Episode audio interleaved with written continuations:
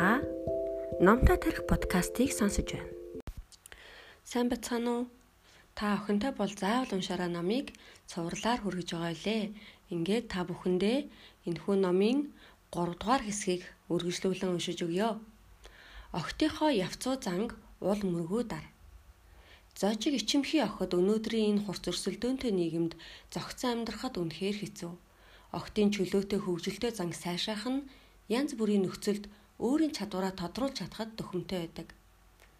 Бид охин хүүхдийг хүмүүжүүлнэ гэдэг нь тэднийг их авхаа болгохыг хэлэхгүй гэж дахин дахин тодтогсоор байна. Харин эрхэм дээд зан төрхтэй, ээлдэг зөөлөн ааш сантай, ёс суртахуунтай, боловсралтай хүн болгон хүмүүжүүлэхийг л хэлнэ. Охидтой өгөөмөр занг илүү суулга, битгий явцуу сэтгэлгээтэй, бэртгчин зантай болгоорой. Нүдэнд нь зөвхөн мөнгө л харагддаг их авхаа нар бас л их бэртгчин зантай байдаг шүү дээ. Явцуу сэтгэлгээ нь хүний чөлөөтэй үйлдэлийг хязгаарладаг.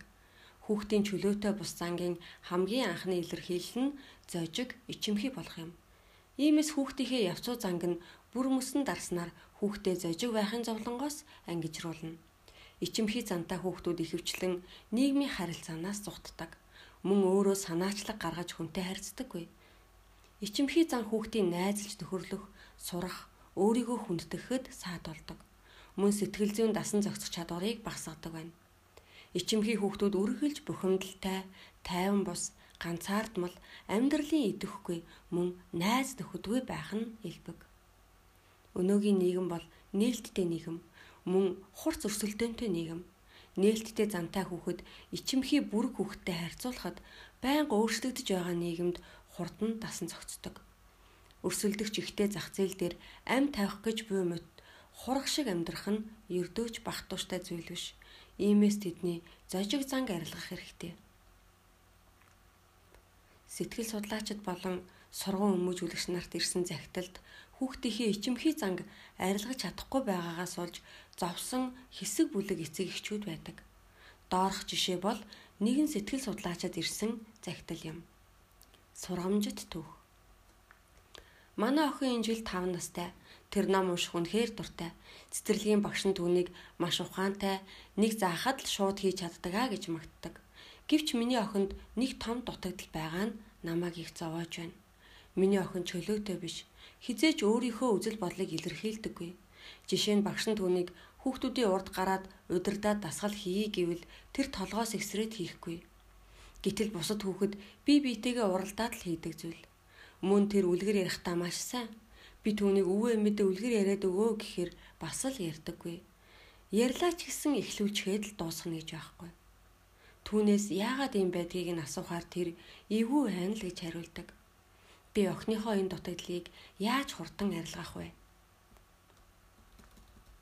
Хэдийгээр энэ ээж маш их яарч байгаач яарах тусам илүү дорддог. Учир нь хүүхдийнхээ ийм занг хурдхан засахын тулд тэднийг алгаддаг. Энэ хүүхдийг улам бүр зожиг болгодог. Тэгвэл яг яах ёстой гэж. Сэтгэл судлаачийн өнцгөөс харахад зожиг байх нь нэгэн сэтгэлийн хөдөлгөөн юм.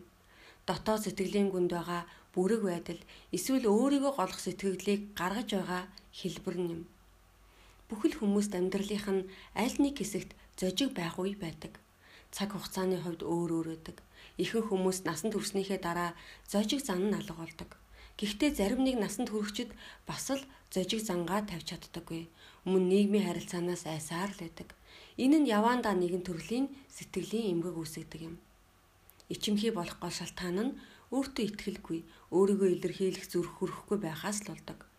Энэ төрлийн өөртөө итгэлгүй байдал огтод маш хүчтэй илэрдэг. Учир нь огтуд илүү мэдрэмтгий. Зарим хүүхдүүд бие нь маш сул, өвчтэй болохоор эсвэл ямар нэгэн учирлаас болон шархалснаас сэтгэл санааны цочролд орсноос хүнд дээрлэхүүлснээс хүнд зодуулж загнууснаас болж тэдний өөрийгөө хүндлэх сэтгэл нь багасдаг. Энэ хүнийг зэрэг мутаа болгодог. Үүнээс үдэн ичимхий болдог байна. Мөн түнчлэн эцэг эхчүүд хүүхдийнхээ өмнө хэрэлдэх, салах нь хүүхдэд халуун дулаан байдал, найдвар, харилцаа, дотн байдал, инхрийлэл дутагдахад хүргэдэг тул Хүүхэд бусад хүүхдийн чинээнд хүрэхгүй нэг шат дор мэдрэмж төрж өөрийн ирэхгүй зожиг өөрийгөө голсон сэтгэл зүй бий болдог. Хэрвээ хүүхэд чинь их ичимхий байгаад байвал хүүхдийнхээ арай чөлөөтөө хийсэн үйл бүрийг нь магтаад бай. Хэрвээ өөрийгөө голоод өөрийгөө дутагдaltaа гэдгээ мэдрээд ирвэл зожиг занг нь улам ихсэж улам бүр өөртөө ихтгэлгүй болдог. Эцэг эхчүүд маань өөрийнхөө хүүхдийг жаахан дотгошоо хандлагатай байна уу та гэс эсвэл нилээ хэрсүү байна уу гэдгийг сайн анзаарч мэдэх хэрэгтэй. Тэднийг ямар ч шалтгаангүйгээр ямар ч шаардлага тавихгүйгээр хайрлаж чадсан уу? Тэдэнд хангалттай аюулгүй мэдрэмжийг төрүүлж чадсан уу? Тэдэнд өөрийгөө илэрхийлэх боломж өгч байсан уу? Эрхийг нь боогдуулсан уу? Хитрхи хатуу биш үз? Учир нь хатуу орчин сэтгэл болон хайр халамжийг орхигдуулдаг тал бий. Сэтгэлийг нь бодохгүй, бүдүүлэг, хариуцлагагүй, татгалцсан байдал хүүхдийг бусдад найдсан үйл хөдлөлтөй болгодог. Бусдад найдсан үйл хөдлөл нь ихэвчлэн зожиг замтай хамааралтай байдаг. Зарим нэг их сурвалжаас харахад нэлээд зожиг замтай хүүхдүүдийн аав ээж ч өөр төвшний зэжигрэлтэй байдаг.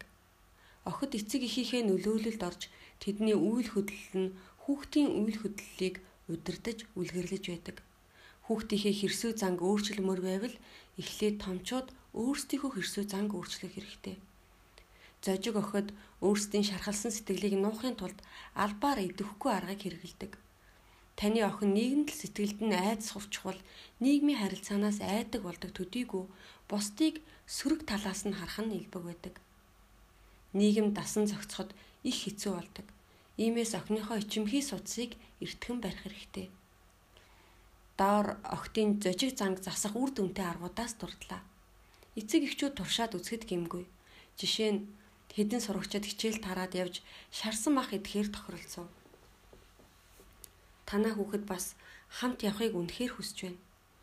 Гэвч тэдэнтэй тийм дотно биш. Үр дүнд нь хамт явсангүй. Сэтгэл нь маш тавгүй байна. Охинтойгоо хамтдаа түүнийг зожигруулдаг 3 4 байдлыг ч ихсан бичээрэй. Жишээ нь ангитаа үг хэлэх, хөвгүүдтэй юм ярих, хамтдаа суугаад асуудал судлах гэх мэт. Зожиг, бүрэг занг, үгүй хийх хүснэгт гарга. Жишээ нь цагдаагаас зам асуу, хичээлийн дараа багшаас асуулт асуу. Бусад хүний өмссөн шин хувцсыг магт. Хүүхдийнхээ зожиг занг бүрэн засахын тулд бид юу хийх ёстой вэ? Нэгдүгээрт хүүхдийг бусад хүмүүст итгэдэг болго. Энэ төрлийн итгэлийг юунад төрөнд эцэг эхчүүд олгодог. Ер нь эцэг эхчүүд өөрсдөө охидтой итгэх хэрэгтэй. Магадгүй түүний зарим нэг үг маш жигтэй байсан ч Түүний сэтгэлийг заавал уншиж ойлгож чадлынхаа хэрээр түүнд итэг. Хэрвээ тэр таны итгэлийг олж чадвал өөр хүнд ч гэсэн итгэдэг болдог. Итгэлцэл бол дотнослын үндэс юм. Хэрвээ хүүхэд эцэг ихээсээ л итгэлцлийг сурч чадахгүй бол өөр хүнд итгэнэ гэдэг маш хэцүү. Энэ бол зожигролын нэг том шалтгаан юм. Хоёрдугаарт хүүхдээ бусад хүнтэй харьцаж сурга. Маш олон хүүхдийн ичимхий зангийн шалтгаан нь нийгмийн харилцаанд орох боломж байхгүйгээс болдог. Эцэг эхийн хувьд тэднийг нийгмийн харилцаанд хөтлж оруулах хэрэгтэй. Хүүхдэд дагуулад харилцах газар их байдаг. Жишээ нь хүүхдтэйгээ хамт найзындаа зочилж болно. Түүнд өөр хүнтэй ойртож харилцах боломж олгох олгож өгөх хэрэгтэй. Хамгийн гол нь түүнд хүмүүстэй хэрхэн харилцахыг нь зааж өгөх нь чухал. Мэдээж ичимхий хүүхдийн хувьд бол жаахан удаан Гэхдээ эхний үед аюулгүй орчинд түүнийг бэлтгэх хэрэгтэй. 3 дугаарт хүүхдээ өөртөө ихтэй байлгаж сурга. Туйлын ичимхий охин юм ярьж байх үед эцэг их нь аль болох намуухай айстаа ярьж бай. Мөн зоригжуулах, сайшаа харгыг хэрэглэхэн зүйтэй. Эцэг эхчүүд хэдий ч нэ зоригжуулна, хүүхдүүд төдий ч нэ баттгал сайшаалыг хүртдэг. Бүрэг хүүхдэд ч гэсэн энэ аргыг хэрэглэхэн зүйтэй Хүүхэд өөрөө өөрийгөө голоод зориг дутаад ямар нэгэн зүйл хийхийн өмнө үр дүнг нь урьдчилан тооцоолоод өөрийгөө чадахгүй гэсэн бодол төрдөг. Хэрвээ энэ л үед нь түүнийг жаахан зоригжуулаад хүч нэмээд өгвөл тэр ажлаа сайн хийж чадна. Бас нэг чухал зүйл бол сайшаах. Хэрвээ хүүхэд чинь 1 2 удаа өөрийгөө их нээлттэй илэрхийлээд эхэлбэл жишээ нь хүүхдүүдийн урд удирдах дасгал хийх, хүнд үлгэр ярьж өгөх гэх мэт. Энэ үед нь түүн дуртай зүйлийг нь ч юм уу эсвэл наадаг цаас таван хошууг. Тэгээд тодорхой тоонд хүрсэн тохиолдолд охиноо тоглоомын газар тоглуулах ч юм уу эсвэл дуртай зүйлийг нь хийлгэж болно. Хэсэг хугацааны дараа хүүхдийн чинь нээлттэй зан хөгжөөд ирвэл наадаг цаасны аргаа болоод амаараа л магтаж болно. Чи үнэхээр сод юм аа. Чи их агуу юм аа гэсэн энэ үгс нь барууныхны хүүхдэд магтдаг үг. Тэд өргөлж хүүхдэд магтдаг. Харин тэдний хүүхдүүд бидний хүүхдүүдээс илүү нээлттэй, өөртөө итгэж, өөртөө эзэн болж чаддаг. Харин Аз хүүхдүүд энэ мэт магтаалыг сонсоод хитрүүлсэн мэдрэмж төрдөг. Барууны хүмүүс хүүхэд бол бүх талаараа өв тэгш байх албагүй. Хизээд өөрийн гэсэн давуу талтай байгаа гэсэн үзэлтэй байдаг бол Аз эцэг эхчүүд хүүхдээ төгс төгөлдөр байхыг шаардаж тийм байлгах гэж үздэг. Үр дүн нь ихэвчлэн хүслээр нь бус байдаг. Охноо сайхан харилцаагаараа бусдыг татсан хүн болгоорой. Бусадтай сайхан харилцаатай биш охид ихэвчлэн ганцаардмал зожиг байдаг төдийгүй өнөөгийн энэ хурд ширүү өрсөлдөөнтэй нийгэмд зөгцөн амьдрах нь их хүнд байдаг. Иймээс охтынхоо харилцаан дээр анхаарахгүй байж болохгүй. Сайхан харилцаа сурахад зөвхөн ярьж, сонсож сурах хангалтгүй. Мөн янз бүрийн харилцааны арга техникүүдийг эзэмшүн чухал. Жишээ нь баяр хөөртэй байх, шудраг байх, тусархаг байх. Энэ бүгд л охин хүүхэд бусад хүмүүстэй харилцахад хамгийн чухал баримтлах зүйл болдог. Охтын харилцааны чадвар бол тэдний нийгэмд бие хэрхэн авч явах хүмүүжлийн маш чухал агуулга. Хамгийн наандаж түүний найз нөхдөд болоход нөлөөлдөг. Цаашлаа түүний ирээдүйн хөгжил дэвшилд нь нөлөөлдөг. Хүнтэй сайхан харилцаж чаддаггүй охид өнөөгийн нийгэмд үргэлжилж сул идэхгүй байдаг. Үүнийг бүхэл эцэг эхчүүд хүлээн зөвшөөрдөг. Эмэгтэй хүүхдийн хэл ярианы чадвар эрэгтэй хүүхдийнхээс илүү байдаг. Эрт үеэс л 3 эмэгтэй нэг жүжиг гэдэг хошигнол байдаг. Хэл ярианы чадвар сайтай охтын харилцааны чадвар бас их өндөр байдаг. Эмэгтэй хүүхдэд энгийн бус харилцааны чадвар хэрэгтэй байдаг. Эцэг эхчүүд охтын энэ онцлогийг ойлгож бусдыг татсан сайхан харилцааны чадварт охиноо сургах нь чухал юм. Хүмүүс хоорондын харилцаа охтын хувьд хүүгүүдээс илүү чухал. Энэ бол эмэгтэй хүүхэд харилцаа түшиглэж амьдардаг онцлогийн баталгаа юм.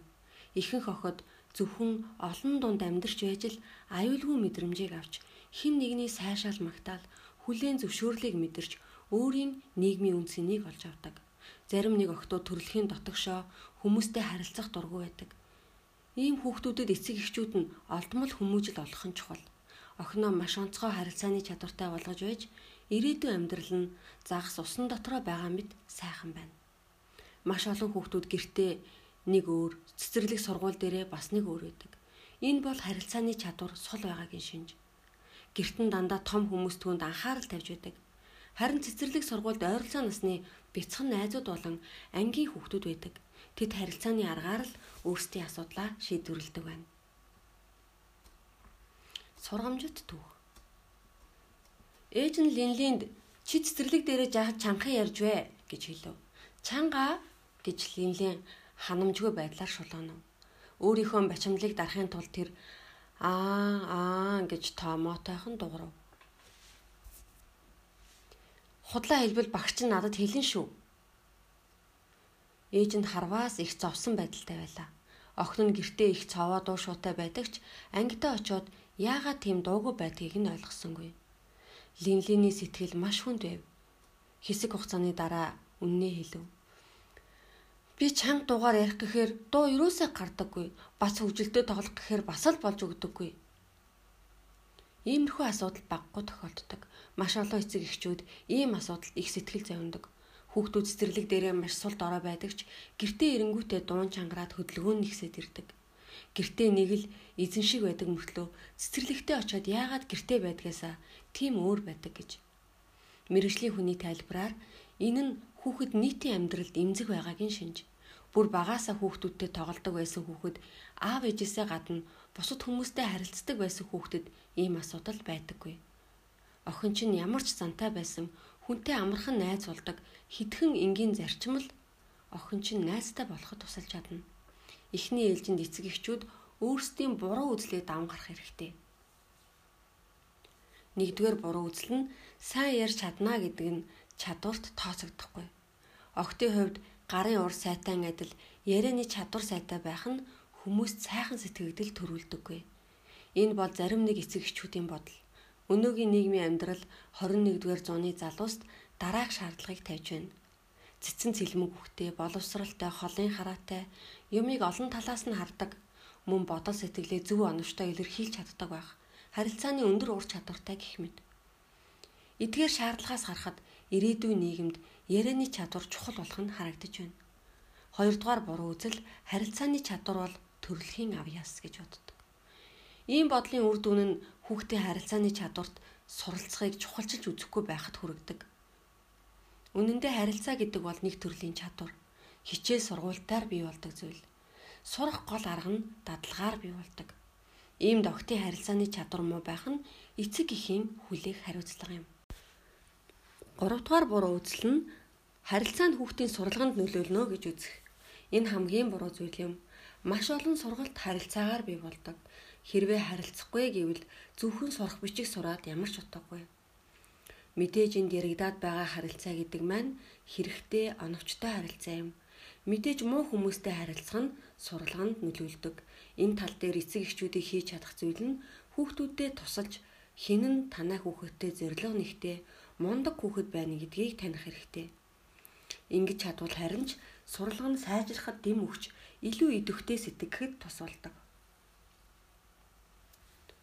Цаашлаад харилцаа бол нэгэн төрлийн бодол санаа, үзэл, сэтгэлийн илэрхийлэл. Иймээс тодорхой ур ухаан хэрэгтэй. Харилцааны талаар охидоо заавал хэлж өгөх дараах зүйлсийг анхаараарай. Нэгдүгээрт нүүрэндээ баяр хөөртэй байдлыг гаргаж явах хэрэгтэй. Хинч өдөржин урвайсан царай гаргадаг найзад дургүй. Нөхөрлөлийн харилцаанд баяр хөөртэй хандлагын үр ашиг нь яг чи надад таалагддаг гэж хэлж байгаа мэт байдаг. Зарим үед бүр юу ч хэлэхгүй байсан ч хамаагүй хүнд ийм ямар нэг сэтгэгдэл төрүүлдэг. Иймээс баяр хөөртэй байдаг хүн маш амархан найзтай болдог. Бусдад тусламтгай шудраг байх. Энэ бол маш чухал хэсэг.